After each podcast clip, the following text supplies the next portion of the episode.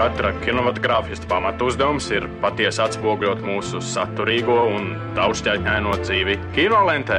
Izceļot tipisko un izlaižot mazsvarīgo, akcentējot panākumus un nenoklusējot dažkārt sastopamus trūkumus. Balansējiet, nu godājiet vēseli inženieri starp pienākumu un varēšanu. Pie jūras klimats 15 minūtes par kino. Labdien, mīļie pie jūras klimata klausītāji un kino skatītāji! Jaunais gads ir um, ne tikai iesācies, bet arī jau uzņēmis ātrumu, arī kino pasaulē.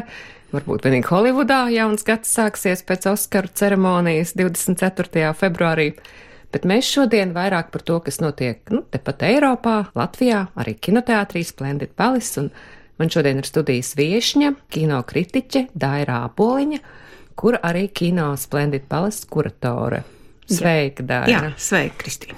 Kas ir kino kritiķis? Es domāju, zina visi mūsu klausītāji, kas ir kinoteātra kurators. Ko viņš dara? Nu, pirmkārt, eh, cilvēki ar vien mazāk saprot, kas ir kino kritiķis arī. Tiešām? jā, jā, jā, jo tāpēc, ka latviešu valodā ir tāda specifika, ka kino kritiķis tas ir noteikti kāds, kurš ir dusmīgs, jā, un uzreiz atrod visas sliktās vietas filmā, mm -hmm. tā nav taisnība. Tāpēc eh, kurators ir daudz, eh, varbūt tāda, izklausās tā noslēpumaināk un arī tā maigāk, mazliet. Labsirdīgāk. Labsirdīgāk, jā. Nu jā, mākslas pasaulē tas ir skaidrs. Tas ir cilvēks, kurš šajā gadījumā kinoteātrī atbild par to, ka filmas, kuras rāda uz ekrāna, ir piemērotas šim festivālam vai šim kinoteātrim konkrēti. Tad cilvēks, kurš veidot nu, to māksliniecisko ainavu. Man gan arī jāsaka uzreiz, ka tas nav tāds ļoti, ļoti, ļoti individuāls darbs. Tas ir saistīts ar pašu kino industriju lielā mērā. Nav tā, ka es atnāku, nu, piesitu kāju, skaļi kliedzu. Nu, dažreiz es arī, protams, sadarbojas par to, ka citiem nepatīk tādas filmas kā man, bet Man ir tā privilēģija, varbūt, un arī tas pienākums pēc iespējas agrāk noskatīties filmas, saprast, kas pasaulē notiek, ko mēs vispār gaidām, apmēram kā veidosies kino gads. Un tad arī nu, maniem kolēģiem kinoteātrī un arī Rīgas namos, tā kā pārliecināt viņus, ka šī ir tā filma, kura noteikti patiks mūsu publikai, un šī ir tā filma, kuru vajadzētu rādīt vairāk varbūt senioru publikai. Mums ir brīnišķīga tradīcija senioru seansi, kuros arī vajag īpašu repertuāru, un mēs nekādā gadījumā nedrīkstam pievilt šos cilvēkus, kas otrdienas pulkstens vienos vienreiz mēnesī nāks kinotēt un gaida, kad tas labākais, kas pašlaik ir, viņiem arī tiks parādīts. Un tāpat tas attiecās uz citiem programmas, teiksim, programmas sadaļām, kurās vajag atrast pareizajai mērķa auditorijai pareizo piedāvājumu. Kādi ir tie repertuāra Splendid Palace plānošanas knifi? Cik daudz tu vari atļauties um, savu gaumu izpaust vai savas favorītu filmas ielikt mm -hmm. repertuārā? Laimīgā kārtā man ļoti patīk Eiropas kino, un man liekas, ka viss sākas tieši Eiropā, un tad pēc tam Amerikā ātri paņem spožākos talantus un viņus adaptē. Tā Holivuda un Amerikas kino attīstās caur to, ka talantus viņi atrod Eiropā visbiežāk. Ļoti retos gadījumos man vienkārši nosāp sirds, ka ir mazs cilvēku skaits, kuram patīk labākā Eiropas filma. Piemēram, Japāņu filma Zaglēni, kas ir brīnišķīga filma, bet tā nav Eiropas filma, bet tā ir uzvarējusi Eiropas kinofestivālā. Nu, šo filmu vispirms izrādīja kinofestivāls šeit Rīgā uz dažiem seansiem, kas, starp citu, bija ļoti labi apmeklēti, un ar to arī tad tā publikas interesi lielā mērā apsīka. Tas ir tas, kas varbūt ir tā, ka liekas, nu, kāpēc tie cilvēki nenovērtēja šīs filmas jaukumu un šīs filmas tādu nu, īpašo intonāciju vai īpašo stāsta veidošanas manieru un tā. Principā es esmu ļoti privileģētā situācijā, ka man lielā mērā patīk Eiropas eh, filmas tādas, kādas patīk arī Splendid Palace auditorijai lielākajā vairumā, bet tajā periodā kopš es sadarbojos ar Splendid Palace, un tas ir nu jau vairāk kā pieci gadi. Un šajā laikā arī ir izdevies publiku pamazām ar vien vairāk un vairāk iemīlināt šāda veida filmās. Pierādīt to, ka redzēt uh, labākās Eiropas filmas uh, ir prestīžs šai publikai, ir iespējams. Jā. Ir gan, protams, arī tādi gadījumi, piemēram, bija diezgan šaubīga situācija ar filmu, kur noteikti ir viena no gada vislabākajām filmām. Tā ir Pāvila Pavlikovska filma Augstais karš, kura bija saņēmusi Eiropas balvas, arī Kannu balvas. Un publika tā kaut kā viņa neticēja šai poļu filmai. Kaut kā nebija īsti ticība tam, ka tā filma varētu nebūt pārāk briesmīga vai, vai ka tā varētu būt tik cilvēciska, kāda tā arī ir. Un tam ir arī kaut kāds cilvēcisks drāmas aspekts, ne tikai politisks. Kāda tad ir tā intriga? Tad skatītāji pieņēma to filmu vai? Jā, tā intriga ir tāda ka tas, kā filma vēl, vēl triumfēja Eiropas kinobalvu ceremonijas laikā, tas, ka tika izcelt arī aktrise vēlreiz, tas, ka par to bija informācija, par to, ka, nu, teiksim, man bija tā veiksme un gods būt klāt eh, šajā ceremonijā, un arī es neslēpu savu viedokli par to, kas tur ir noticis, un arī uzrakstīju par to, un šis materiāls parādījās LSM, un tad Dita Rietum par to uzrakstīja, un tad vēl tu, Kristīne, pastāstīji par to. Jā, un tu vēl arī pastāstīji pie jūras klimatā, un cilvēki, nu, tā kā norēģēja uz to, ka varbūt, ka tiešām, varbūt, ka tiešām, varbūt tiešām, ka tā filma ir īsta īstā.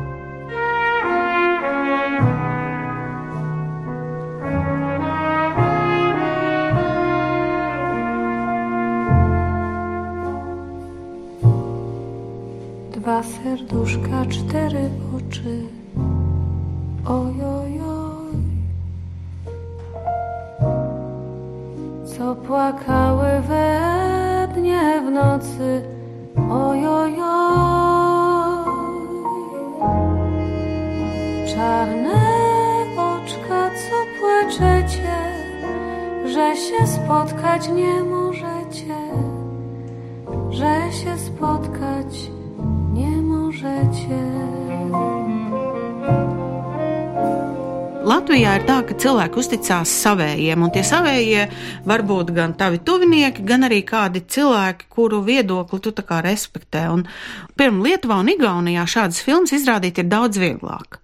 Tur ir daudz lielāka auditorija šīm filmām. Pirmkārt, viņiem ir daudz lielāks tas saucamais ārthaus kinoteātru tīkls. Viņš nav tikai mm, galvaspilsētā uz vienas ielas, kā tas mums ir. Igaunijā un Lietuvā šis tīkls ir daudz plašāks, un arī ir citās lielākās pilsētās. Tagad mēs zinām, ka CS mēģina arī šobrīd kā kino lektori veidot šādu te filmu izlasi un nu, tā pieradināt pie tā, ka filmas, um, Eiropas filmas īpaši un autoru filmas, ka tas ir aizraujoši. Viss mainās principā uz labu, bet nu, tā lēni. Un es pat zinu, kāpēc tas tā ir. Tāpēc, ka mums diezgan ilgu laiku nav bijis tāds mērķiecīgs, spēcīgs kinofestivāls, kas tā kā ir tas, kurš tos cilvēkus audzina. Un ilgāku laiku mums ir bijis tāds nenoteikts tas periods pēc leģendas, Starp kas arsenālu jā, Rīgas, jā, Rīgas, jā, Rīga IF, jeb Rīgas starptautisko filmu festivālu ir bijis diezgan liels tāds robežposms un arī Rīgas starptautiskais filmu festivāls ir vēl tādā kā uzrāvienu un ieskrējienu patiesībā posmā un cilvēki tikai, nu, piemēram, šogad nu, jau iznāk pagājušajā rudenī, tad mēs redzam, ka cilvēki nu, sāk pulcēties un sāk nākt un akceptēt šo, šos festivālus un arī to repertuāru, ko tur piedāvā. Un, ja ir tāds pārāvums kaut kādā ziņā, tad cilvēkiem jau nav kur to iemācīties saprast. Un tā ir tāda kultūra izglītības lieta. Tas ir tas, kāpēc 18, 19 gadus veci cilvēki ir jāpieradina. Pie jūras klimats 15 minūtes par kino. Šonadēļ ir sācies Jā, nu, jauns jā. cikls, desmit izcili kino ceļojumi. Avis kino vakar, tā tas saucās, un tur tiks izrādīts viena žanra ietvaros, ko mēs saucam par ceļa filmu. Tiks izrādīts desmit filmas. Pirmais vakars notika jau, un tur mēs izrādījām Davida Linča filmu Mežonīgie sirdī. Tā ir 90. gada filma, Kanu hīts, skandāls savā veidā. Dēvids Linčs arī ir kulta režisors zināmās aprindās. Jā, un nu, mēs arī domājam par to, kā tiem cilvēkiem nu, vieglāk palīdzēt iejusties tajā žanrā un saprast, kas tur ir pa trikiem, kāpēc tās filmas tā sauc un ko tas prasa no aktieru, ko tas prasa no režisora. Un tāpēc mums pirms šiem cikliem ir tagad izdomāta tāda formula, ka viens, kurš ir gatavs komentēt tieši filmas žanru un specifiku, tas būtu tā kā kāds kritiķis, un viņam būs līdzās kāds cilvēks, vai nu režisors, vai nu, kā manā gadījumā, man ļoti paveicās, man bija Uldis Dumpis, mēs viņu saucam par līdzbraucēju, kurš ir daudz filmās braucis ar automobīļiem un močiem, un nu, mēs jau zinām visas kādas ir Ulda Dumpja filmas, un arī ar traktoru viņš esot braucis, un ko tik visu vēl nē, un tātad mēs tad divatā mēģinām tos cilvēkus tā kā iekārdināt tajā žanrā un saprast, ka tur ir tik uh, liels tas piedzīvojums tādā filmā. Un šis žanrs ir tā sauktais road movie vai ceļa filmas, kas savukārt nozīmē ko? Man patīk vislabāk apzīmējums. Kas ir varbūt mazliet amizants, šo jēdzienu galvenokārt saist ar amerikāņu kino, šī te žanra izcelšanos. Un man patīk, ka to mēdz salīdzināt ar westernu, kurā nav zirgu, jo lūk ir sākusies auto ēra. Westernam arī ir savi spēles noteikumi, tātad tur obligāti ir forši vīrieši, nu, kur ir uz aktīvu rīcību un temperamentu gatavi, un tur noteikti ir kādas sievietes, kuras ir um, arī ļoti šarmantas, um, bieži vien blondīnas, bet der arī brunetes.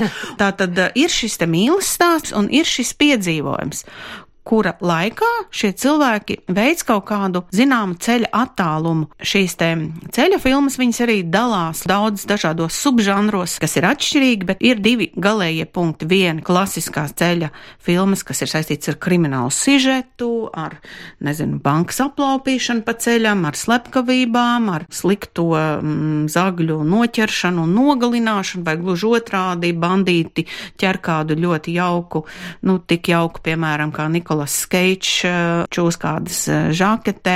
Tā ir tā viena puse, tātad krimināls sižets ar pakaļdzīšanos, un tā otra puse ir tā saucamās quest filmas, kas ir tādi meklējumi, kas tikpat labi ir ceļojums arī uh, fantāzijā, arī tā kā sevis meklējumos, arī tāds psiholoģiskais elements, bieži vien tur ir kaut kādi sapņi iekļauti, un lūk, tad Dēvids Linčs ir viens no tiem, kurš spēja vienas filmas ietveros savienot šo kriminālo intrigu ar šo te, nu, sevis satikšanas, nesatikšanas, meklēšanas ceļu, mīlestības stāstu un radīt šādu ļoti, ļoti spraigu, ļoti diskutablu, ļoti biedējošu un ļoti sentimentālu vienlaicīgu filmu.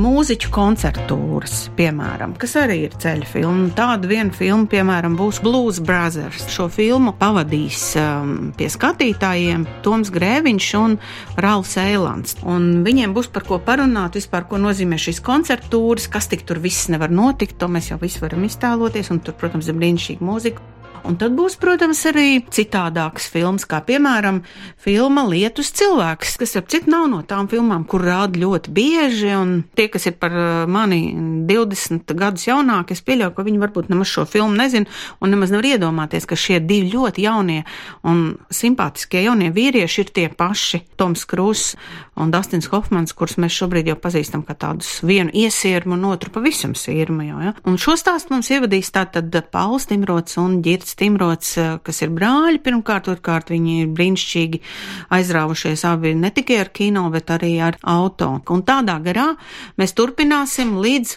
nākošā gada decembrim. Pie jūras klimats 15 minūtes par kino. Paskatoties lielākā mērogā uz nākamo gadu, kādu tu redz nākamo kino gadu gan Latvijā, gan Eiropā? Kas mūs sagaida? Kas mūs sagaida Eiropā, es vēl neuzdrošinātos teikt, tāpēc, ka Berlīnas kinofestivāls tiks atklāts, nu, burtiski pēc nedēļas, drusku vairāk, tātad 7. februārī, un tad mēs redzēsim, kādas ir jaunās vēsmas. Jo šobrīd pasaule vēl noslēdz rēķinus ar 2018. gadu. 2019. gads priekš pasaules lielā mērā ir noslēpums. Jā, mēs zinām, ka būs ozona jaunā filma. Mēs varam redzēt uzvārdus, kuri sāk parādīties. Tiem, kas ar to nodarbojas profesionāli, no tā ir tas uh, profesionālais adrenalīns. Nu, būs vai nebūs liela filma, nu, būs vai nebūs liels notikums. Mēs šajā mirklī vēl nezinām, kāds izskatīsies Eiropas gads. Tas tā ir. Mēs varam nojaust uh, ka nu, mums tuvojās um, jaunie Eiropas notikumi. Un, um, nu, pēc divām nedēļām būs apmēram skaidrs, uz kuru pusi Eiropa dodas un arī pasaule dodas. Tas, ko mēs varam prognozēt, ir Latvijas kino gads, bet arī tikai filmu nu, pirmizrāžu nozīmē, jo veiksmi prognozēt nav iespējams. Un nav iespējams zināt šobrīd vēl, vai, vai filma Jēlgava 94 kļūs par jauniešu un viņu varbūt arī vecāku hītu Latvijā, jeb nē. Tas ir noslēpums. Vēl tuvākajos divos mēnešos mēs piedzīvosim divas, manuprāt, spilgtas pirmizrādes. Tā ir viena animācijas filma, tā ir Jēkabs, Mimi un Jēkabs, runājošie, runājošie suņi, suņi, bet tas ir maskačkas stāsts pēc būtības, tātad pēc uh, Lojas Pastors grāmatiņas uh, tāds um, animācijas piedzīvojums stāsts tādiem pusaugu bērniem, bet ar tādiem maziem, maziem sveicieniem viņu tētiem galvenokārt. Un tad Jāņa Ābeles filma 7 miljardi gadu pirms pasaules gala. Līdz šim šī filma bija tikai Rīgas starptautiskā filmu festivāla konkursa programmā, un tur bija tikai viens vai divi seansi.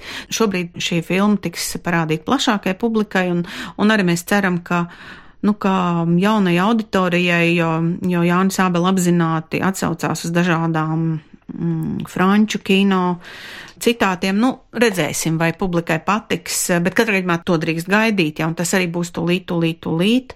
Un 4. februārī būs ļoti neparasts notikums, ja jūs vēl nesat šo faktu piefiksējuši. Tātad Elites Kļaviņas, kur ir aktrise, bet kura šobrīd, kurai jau ir maģistras diploms režijā, viņas dokumentālās filmas pirmizrāda. Viena no vadošajām jaunā Rīgas teātra aktrisēm izvēlas savam diplomu darbam dokumentālu stāstu un seko eh, šiem cilvēkiem trīs gadu garumā. Pati filmē, pati seko šim stāstam, stāsts saucās Zarjana Horobreja. Nu, tas ir sākums gada, un vēl mums ir mm, Gata Šmita filma 1906, kas ir pēdējā filma kolekcijā. programma noslēdzās, jā. jā. Jā, ar to noslēgsies simtgadus programma, kas ir arī tāds trilleris uz vēsturisku notikumu fona 1906. gadā, tad vienu gadu pēc mm, revolūcijas un latviešu cilvēkiem, kuriem nav miera pasaulē. Un vēl taču Alises Zariņas ceļu nu, jā, filmas un, pirms rāda nu, arī. Jā, tieši sākumā. tā, tieši tā. Un pie tam vēl mums būs arī dokumentāla filma, kurš pirms rāda notiks jau 1. februārī. Mākslinieks Miķels Fišers kā galvenais varonis dokumentālajai filmai, kur arī būs tāds dokumentāls piedzīvojums par to, kā šis mākslinieks brauc um, ārpus Latvijas, meklēt pats sevi, savu identitāti. Kondoru kalve sarežģīts nosaukums, bet, nu, lai cilvēki nebīstās, jo um, Miķelim Fišeram ir daudz um, pielūdzēju viņa mākslē, viņš ir ekstravagants, diezgan mākslinieks, uh, drosmīgs, un, un es domāju, ka tāda arī ir filma. Tā kā uh, latviešu kino šobrīd, es teiktu, novāc augļus šim pacēlumam, ko izraisīja uh, simtgadus filmu programma, liels papildus naudas piešķīrums filmām un tam, ka cilvēki apliecināja, ka viņus interesē filmas. Viņiem varbūt nevienmēr patīk tas, ko viņiem rāda, bet viņiem interesē tik ļoti, ka viņi ir ar mieru aiziet pārliecināties, ka viņiem, piemēram, šis patīk vai šis nepatīk. Tā ir mums šodien saruna Jā. jābeidz. Jā. Paldies tev par Jā. viesošanos pie jūras klimatā. Paldies, ka uzaicināji un mēs ar skatītājiem un šī raidījuma klausītājiem tiekamies gan radioviļņos pie jūras klimatā, gan es ceru arī kinozālēs. Šo raidījumu sagatavoja Kristīna Žēlove, producēja Inga Saksone un Agnese Zeltiņa, mūs vienmēr atbalstā Kultūra Kapitāla fonds. thank you